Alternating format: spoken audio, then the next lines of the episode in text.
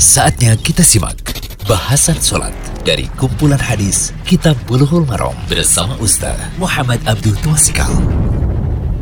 Alhamdulillah, salatu wassalamu ala rasulillah wa ala alihi wa man tabi'ahum bi isan ila yaumiddin. Allahumma anfa'na bima alamtana wa alimna ma yanfa'una wa zidna ilma. Kali ini kita berada di audio 101 dari pembahasan kitab Bulughul Maram karya Imam Ibn Hajar Al-Asqalani, kitab solat, bab sifati solat tentang tata cara solat. Kita masuk lagi bahasan-bahasan rinci tentang cara solat yang ditutunkan oleh Nabi kita Muhammad Sallallahu Alaihi Wasallam. Menjaharkan basmalah dalam solat ada ketuntunan. Hadis ke 220 dan 281 dan 282. An Anasin radhiyallahu anhu anna Nabiy sallallahu alaihi wasallam wa Abu Bakrin wa Umara كانوا يفتتحون الصلاة بالحمد لله رب العالمين متفق عليه. زاد مسلم لا يذكرون بسم الله الرحمن الرحيم في أول قراءة ولا في آخرها. وفي رواية لأحمد والنسائي وابن خزيمة لا يجهرون ببسم الله الرحمن الرحيم وفي أخرى لابن خزيمة كانوا يسرون وعلى هذا يحمل النفي في رواية مسلم خلافا لمن أعلها dari Anas radhiyallahu anhu bahwa Nabi Shallallahu alaihi wasallam dan Abu Bakar serta Umar mereka memulai dengan membaca Alhamdulillahi rabbil alamin. Hadis riwayat Bukhari dan Muslim muttafaqun alaih. Imam Muslim menambahkan mereka tidak menyebut atau tidak membaca Bismillahirrahmanirrahim baik pada awal bacaan maupun akhirnya. Dalam riwayat Ahmad, An-Nasai dan Ibnu Khuzaimah disebutkan bahwa mereka tidak membaca basmalah dengan keras. Kemudian dalam hadis lain yang diriwayatkan oleh Ibnu Khuzaimah mereka membacanya dengan lirih. Dalam pengertian ini membaca dengan amat pelan diarahkan pada pengertian tidak membacanya seperti pada hadis riwayat Muslim yang tentunya berbeda dengan menyatakan bahwa hadis ini maklul. Baik hadis yang terakhir ini riwayat Ibnu Khuzaimah Syekh Abdul Fauzan mengatakan bahwasanya sanad hadis ini dhaif. Yang ini bagian ini dhaif. Hadis 281 wa'an Nuaim al-Mujmir rahimahullah qal salaitu ma'a صليت وراء أبي هريرة رضي الله عنه فقرأ بسم الله الرحمن الرحيم ثم قرأ بأم القرآن حتى إذا بلغ ولا الضالين قال آمين. ويقول كلما سجد وإذا قام من الجلوس الله أكبر. ثم يقول إذا سلم والذي نفسي بيدي إني لأشبهكم salatan bi Rasulillah sallallahu alaihi wasallam rawahun Nasa'i wa Ibnu Khuzaimah. Dari Nuaim Al-Mujmir radhiyallahu anhu ia berkata, aku pernah salat di belakang Abu Hurairah radhiyallahu anhu. Beliau dari Nuaim Al-Mujmir rahimahullah ia berkata, aku pernah sholat di belakang Abu Hurairah radhiyallahu anhu. Beliau membaca basmalah, kemudian membaca Al-Fatihah sampai pada kalimat walad dhalin. Beliau membaca amin.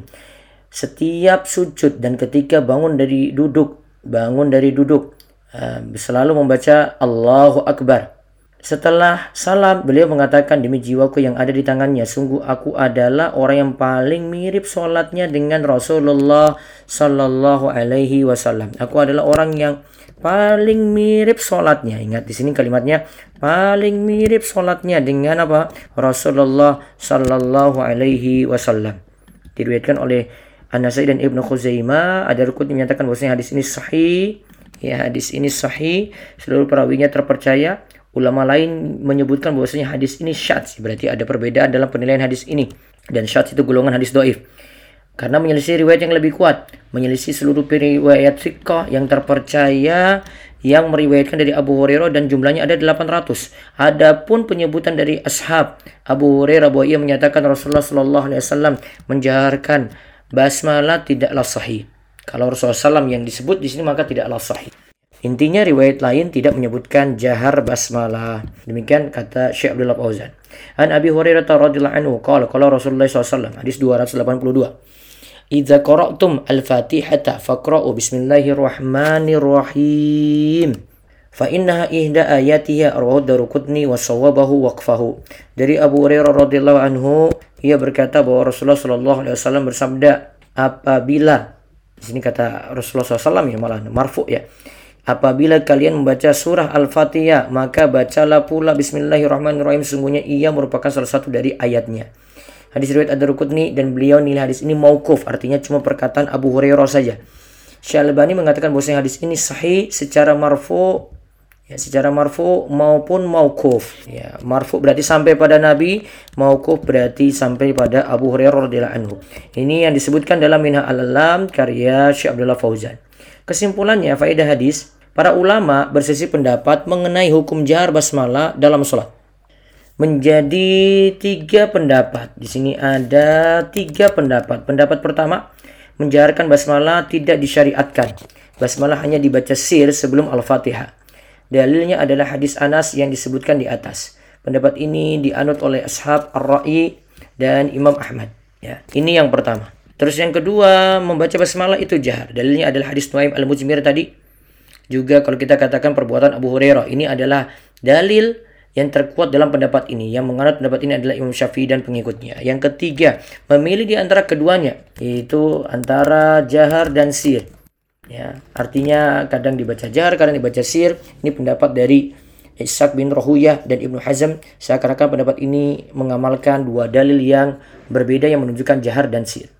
Sedangkan hadis 282 menunjukkan pula pelajaran basmalah apakah bagian dari surat Al-Fatihah atau tidak ya. Pendapat pertama menyatakan bahwa basmalah adalah ayat dari Al-Fatihah. Inilah pendapat Qori dan Fuqaha dari Mekah dan Kufah dan ini pendapat Imam Syafi'i dan Syafi'iyah riwayat dari Imam Ahmad dipilih oleh sebagian ulama Hambali. Pendapat kedua menyatakan bahwa basmalah bukan ayat dari surat Al-Fatihah dan ayat dari surat lainnya. Basmalah adalah ayat yang berdiri sendiri. Ayat tersebut ditulis untuk tujuan fasal saja.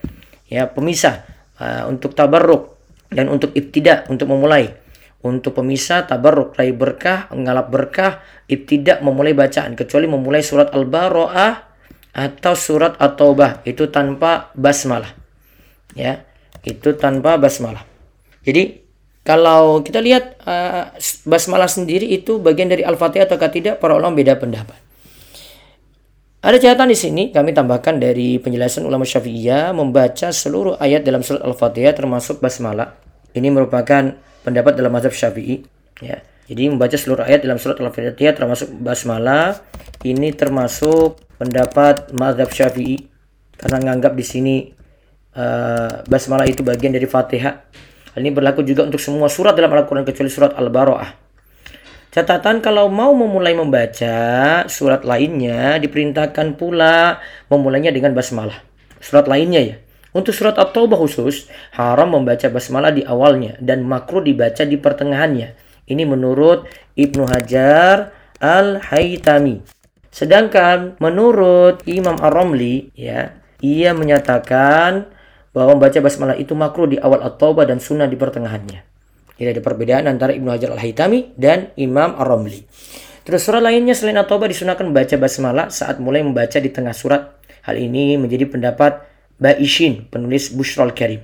Hal ini berbeda seperti yang dikatakan dalam Bughyatul Mustarsyidin bahwa para ulama berbeda pendapat mengenai disunahkan yang membaca basmalah ketika membaca dari pertengahan surat. Ulama salaf kami dan para fukuha menyatakan basmalah hanyalah dibaca di awal surat saja itulah yang lebih tepat. Kecuali ya tadi ya surat Al-Baroah.